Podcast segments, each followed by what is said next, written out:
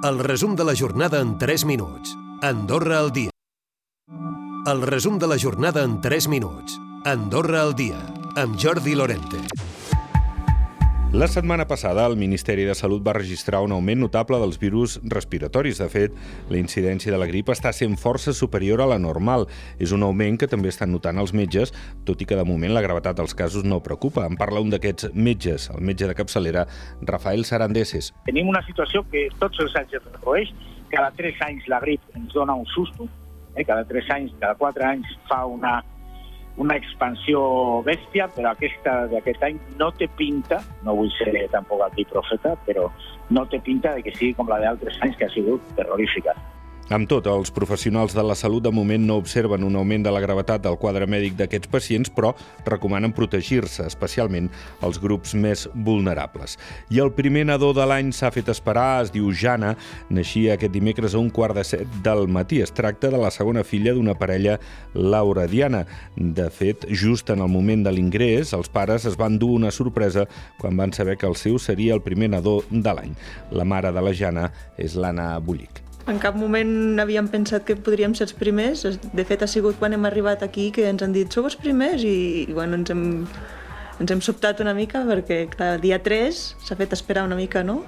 La botiga solidària de la Creu Roja és lluny de tancar aquest 2024 preveient un possible augment de necessitats. Les dificultats d'habitatge, l'encariment de la vida, són els principals motius, tenint en compte també que gairebé la meitat d'usuaris són refugiats d'Ucraïna.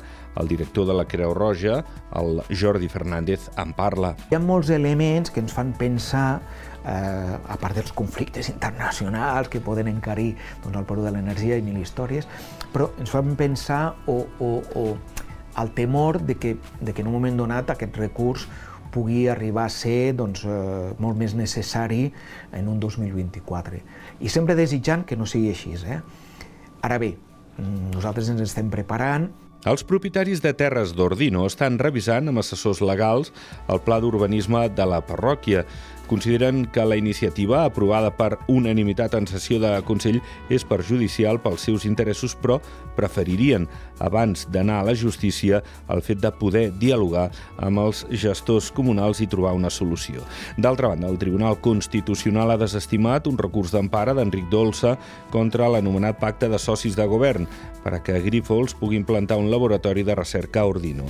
L'alt tribunal considera que no s'han vulnerat els drets del conseller comunal i i també ha afirmat que aquest càrrec no legitima per si sol per presentar una iniciativa contra el projecte. La institució recorda que la seva funció no és la d'una tercera instància judicial i expliquem que Caldea ha tancat l'any passat amb 21,6 milions d'euros de facturació. És una xifra rècord que supera en un 12% la del 2022 i manté la línia ascendent. La clau de l'increment dels ingressos ha estat en el creixement dels clients, 414.000 al 2023, una xifra que suposa un augment en prop de 20.000 respecte a l'any anterior. Recupera el resum de la jornada cada dia a AndorraDifusió.d i a les plataformes de podcast.